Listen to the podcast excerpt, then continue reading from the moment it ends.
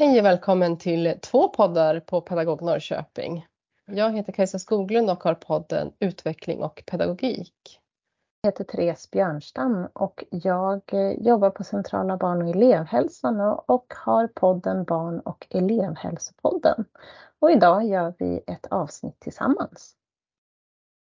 Det vi ska prata om är ju skolutveckling eh, och i det whole school approach. Eh, så det blir ju både en pedagogisk skolutvecklingsdel och elevhälsoutvecklingsdel fast inte var för sig. Utan vad finns det för gemensamma faktorer eh, som vi kan använda för att få till en skolutveckling genom whole school approach. Och vårt samtal kommer ju spänna sig över många områden tror jag Kajsa. Att, ja det tror jag. Vi kommer nog beröra både det ena och det andra som det gäller just ja, skolframgång och hur vi kan organisera för det. Och... Ja, vad eh, är du influerad av när du kommer prata idag Kajsa? Ja, men vi tänker ta ett avstamp här i Ulf Blossing och hans forskning och teorier. Eh, men även kanske lite Hans-Åke Skärp.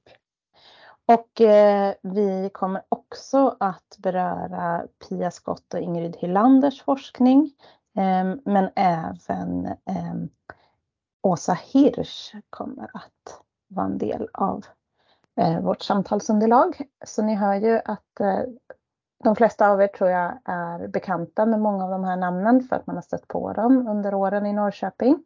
Ehm, men de är också stora namn nationellt ju, inom sina mm. områden.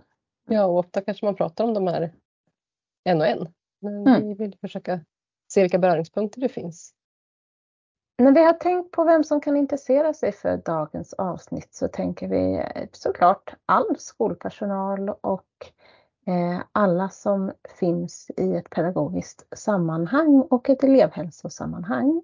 Men vi tänker lite extra om man är i ett utvecklingsläge, alltså att man behöver tänka kring hur man bedriver utveckling på sin skola.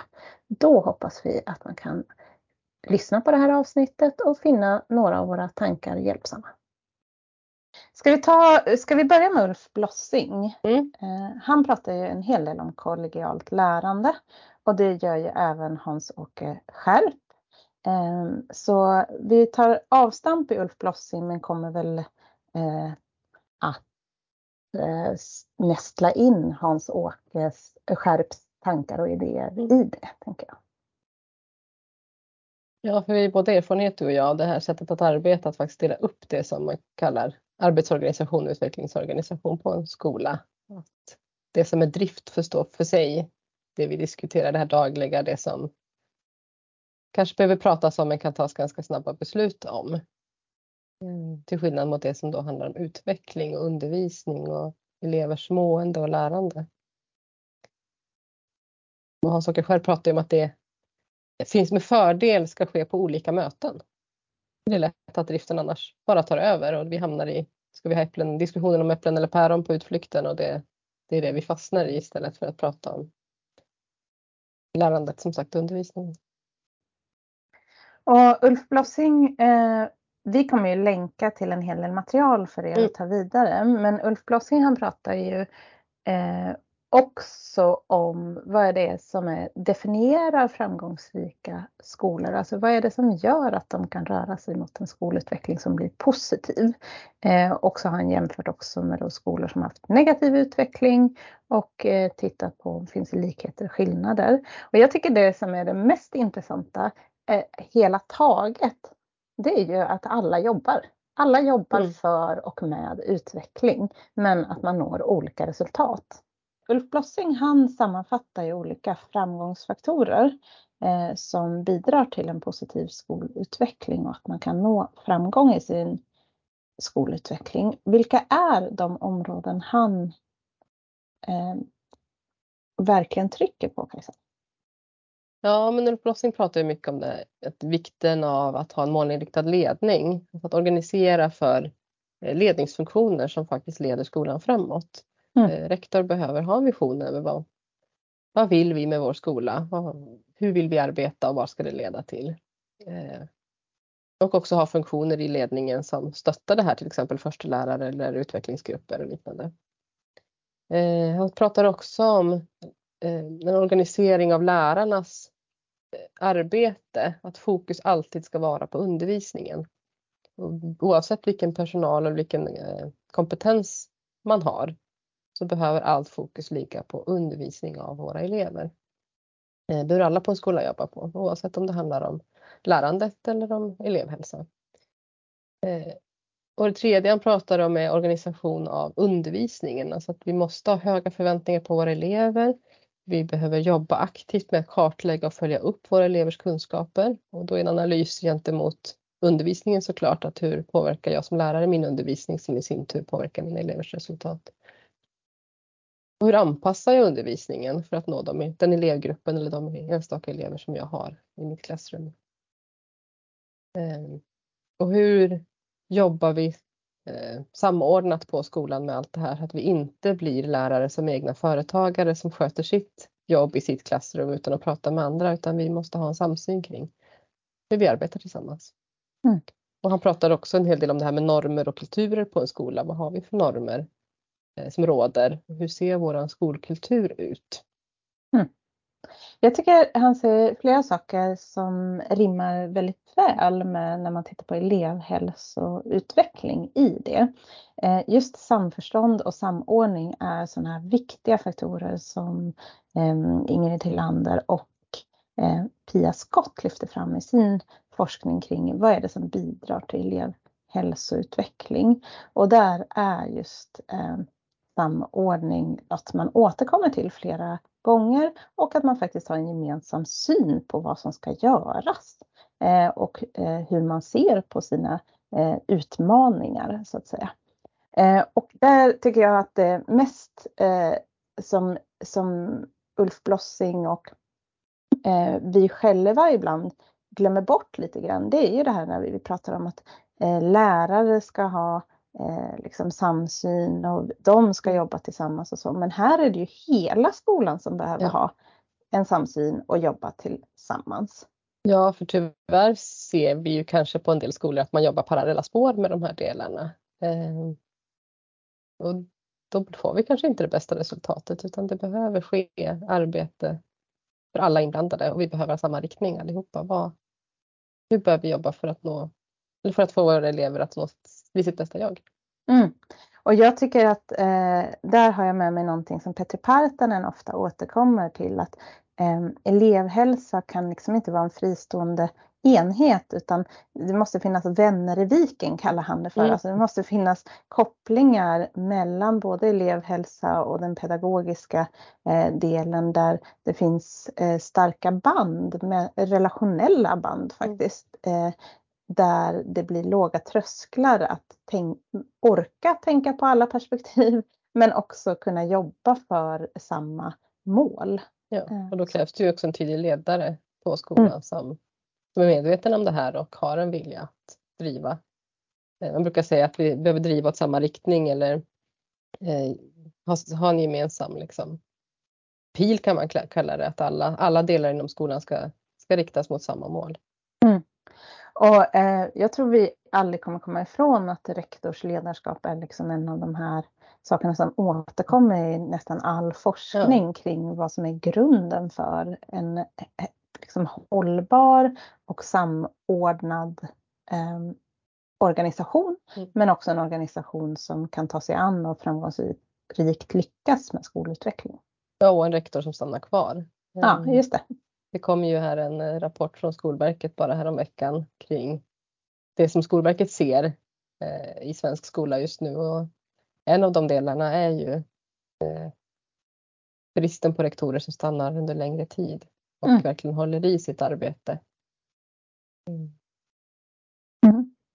Hans-Åke Skärp har ju liksom en lite annan utgångspunkt i det här med hur man ska jobba för en utvecklingsorganisation. Han pratar ju istället för, och det här tycker jag också är någonting som Ulf Blossing lyfter lite grann då och då, men kanske som man ibland kan tappa bort sig lite grann, eller jag kan göra i alla fall när jag läser om honom. Att ibland kan jag känna att Ulf Blossing han, han levererar så ska man tänka jaha, då ska jag göra likadant. Men eh, det som ibland han nyanserar och som också Hans-Åke Skärp trycker väldigt mycket på, det är ju att det kanske inte finns någon best practice, utan vi måste hela tiden tänka på vad är next practice? Mm. Alltså vad är vårt nästa steg och hur ska vi ta oss dit? Och att det liksom är drivet utifrån den lokala organisation vi har. Ja exakt, alla skolor behöver göra sin eh, nulägesanalys. Var befinner vi oss här och nu och vad är bäst för oss framöver? Det är ju väldigt svårt eller nästan inte omöjligt att bara ta ett koncept och kopiera rakt av eller en organisationsplan och sätta den på sin egen enhet utan det behöver ju formas efter de förutsättningar man själv har och vad man vill någonstans. Och som du sa, vad är vi? Vad är nästa steg för oss? Mm. För eh, Åsa Hirsch har skrivit eh, en rapport kring eh, sk några skolor som inte alls har lyckats med sin skolutveckling. Och så har man tittat på men vad var det för faktorer som bidrog till, bidrog till att det faktiskt inte blev som det blev. Och då har vi nämnt några av dem med det här med eh, rektorer och ledare som inte stannar och det finns eh, också eh, kanske olika syn på hur man ser på sina elever och på sin undervisning och ja, vem som ska anpassas till vad. Det som hon också lyfter är att eh, det är inte så att skolorna inte har jobbat. Eh, men det har inte funnits någon kontinuitet, alltså det har inte blivit någon långsiktighet i arbetet utan man, man slänger in saker som kanske är välgrundade men som man inte håller i eller som man tänker att nu måste vi göra någonting och så bygger det inte på en eh, bra grundanalys.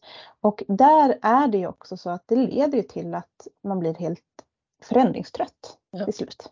Och det pratar ju Blossing om också att förändring tar tid tyvärr jobbar vi ofta i skolans värld i läsår eller terminsvis och så tänker man att nu gör vi en insats här och så lägger vi den på en termin eller ett läsår och sen är det färdigt.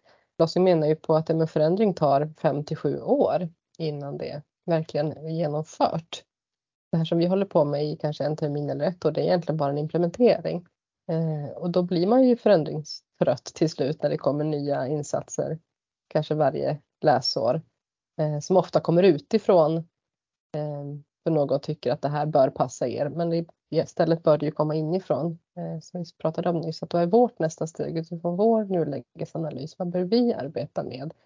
Och hur kan vi jobba med det långsiktigt och verkligen hålla i?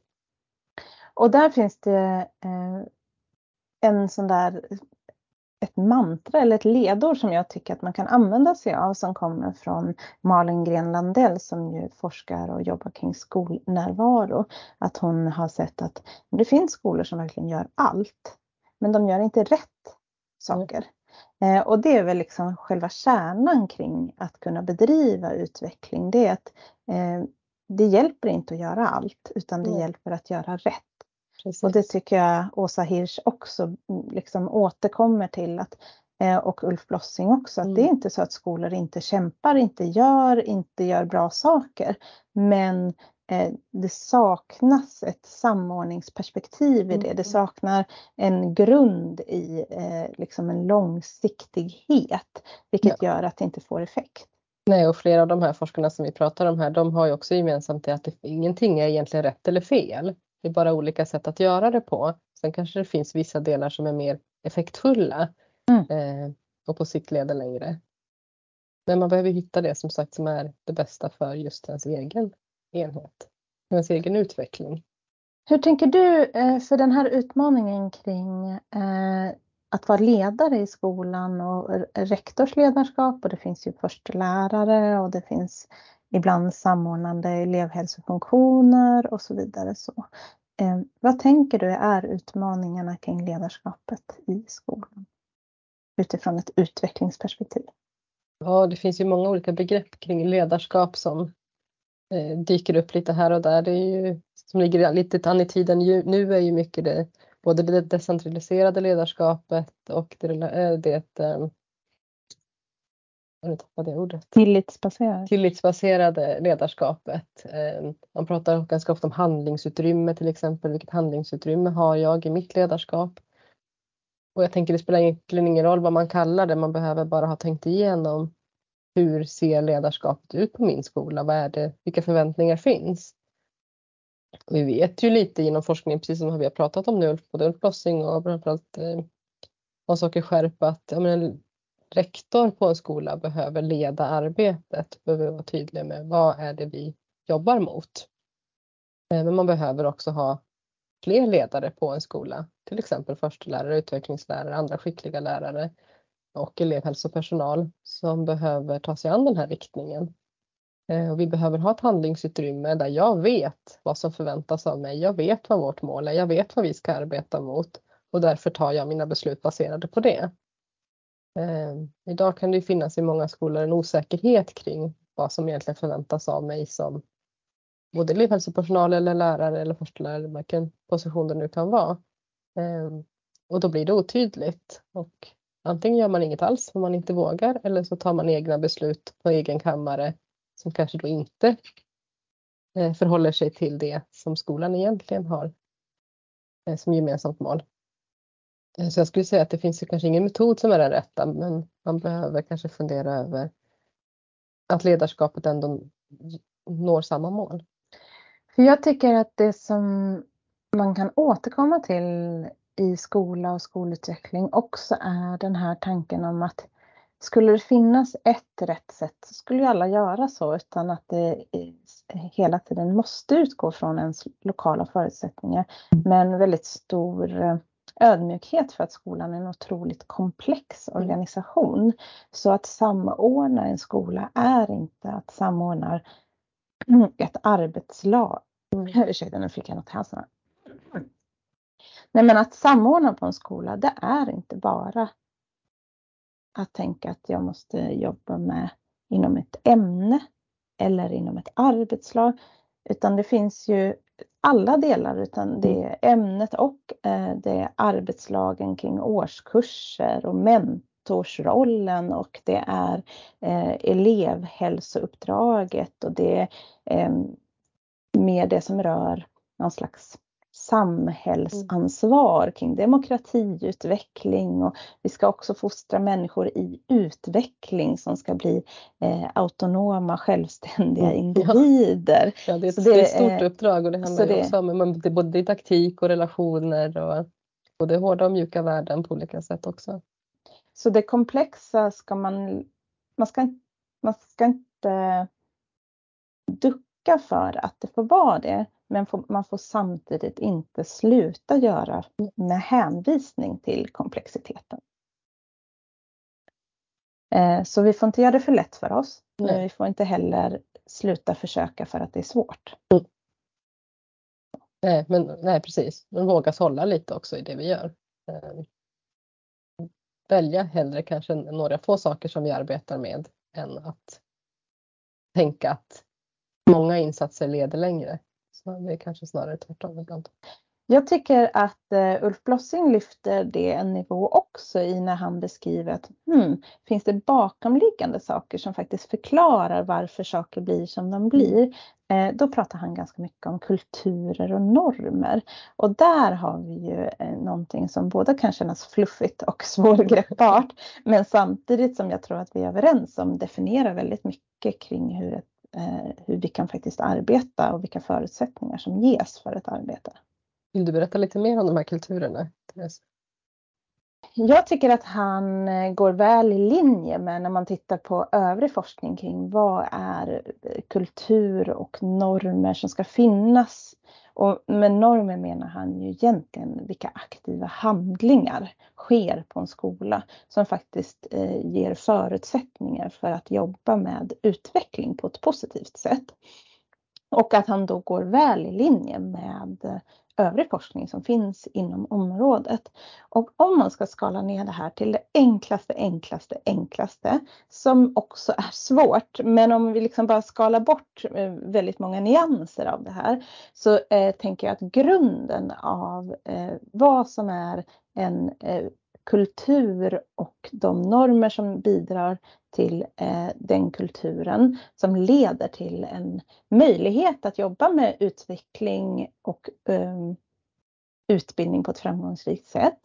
Det är att vara i en organisation där man är tillsammans eh, och att man äger framgång tillsammans och man äger motgång tillsammans. Alltså att det inte är prestationsbaserat hur eh, individuellt prestationsbaserat i vad som är framgång och motgång utan att vi tillsammans på en skola äger framgång och motgång och intresserar oss lika mycket för båda delarna. Så vi eh, har en kultur där jag eh, delar framgång med mina kollegor mm. och lär mig av det. Vi har en kultur där eh, misslyckanden är någonting som vi delar tillsammans och som vi lär oss av. Mm. För det är ju lärandet vi vill åt. Men för att vi ska komma till lärandet så måste det finnas en miljö där det är lika okej att dela framgång och motgång och eh, liksom våga lyfta det från person mm. till eh, mer idé och utveckling. Klokt. Och Ulf Lossing skriver ju också mycket om det här med kollegialt just lärande. Vi hamnar ju ganska ofta kanske i kollegiala, kollegiala forum eller kollegiala samtal men han menar ju på att det är ett lärande som ska ske när vi pratar med varandra. Eh, precis som det du säger att vi behöver titta på det vi gör utför i våra klassrum och fundera över vad kan jag göra bättre, vad kan jag göra annorlunda och i det då samtala om både det som inte gick bra och det som gick bra eh, och vidareutveckla det. Mm. Och grunden för att sätta eh, den kulturen och de normerna på skolan, det tycker jag man återkommer också till att här har vi ledarskapet som mm. verktyg. Både rektors och det distribuerade ledarskapet beroende på hur man har lagt upp det på sin skola. Om man har någon biträdande chef eller om man har förstelärarnätverk eller vad man nu kan ha. Så att eh, genom att eh, genom att leva det ledarskapet mm. så kommer det också sippra ut i organisationen en prestigelöshet och en nyfikenhet kring vad vi kan eh, ta med oss vidare och vad vi kan lära oss av mm. att göra annorlunda. För jag ska lägga till eh, bara där att det finns eh, eh också forskning utanför skolan som visar på just de här processerna. Till exempel så gjorde Google undersökningar kring vad som gjorde att vissa arbetsgrupper eh, fungerade bättre och sämre. Om man tittade på miljoner olika faktorer, ni vet utbildningsbakgrund, könsfördelning, åldrar. Mm, mm, mm. Så. Men det enda man återkom till var just hur man lyckades lära sig tillsammans och eh, prestigelöshet i att våga lyfta både framgång och motgång eh, och använda det till sitt lärande var det som återkom eh, om och om igen. Vad skulle vi vilja ge för samlat medskick till de som har lyssnat på det här avsnittet av våra poddar? Det samlade medskicket spretar lite grann. Mm. Men eh, jag tycker ändå att du och jag, vi pratar om samma saker. Alltså de faktorerna som man hittar kring hur ska vi utveckla elevhälsans område? Hur ska vi jobba för en whole school approach? Hur ska vi utveckla det pedagogiska, eh, undervisning och utbildningsfältet? Det, det sker på samma sätt det finns vissa grundfaktorer som faktiskt eh, bidrar till framgång i hela skolan. Eh, och de är samförstånd och samordning i grunden.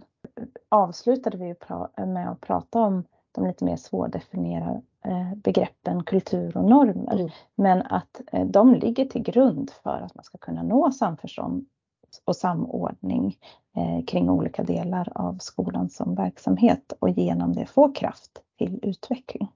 Och jag tycker Hans-Åke Skärp har ett så positivt sätt att se på skolutveckling i att ja, men, skolan är en verksamhet som, som, kan, som verkligen kan utvecklas i sig självt. Det behöver ingen utifrån blick mm för att vi ska kunna ta oss an en utvecklingsorganisation. Utan det vi kan behöva hjälp med det är snarare att eh, stärka vår inifrånblick och göra analysen där så att, eh, så att utvecklingen kan eh, utgå från våra lokala förutsättningar till next practice. Du har lyssnat på Barn och elevhälsopodden som produceras av Utbildningskontoret i Norrköping. Lyssna gärna på våra systerpoddar Språket med Lotta och Caroline och Utveckling och pedagogik med Kajsa.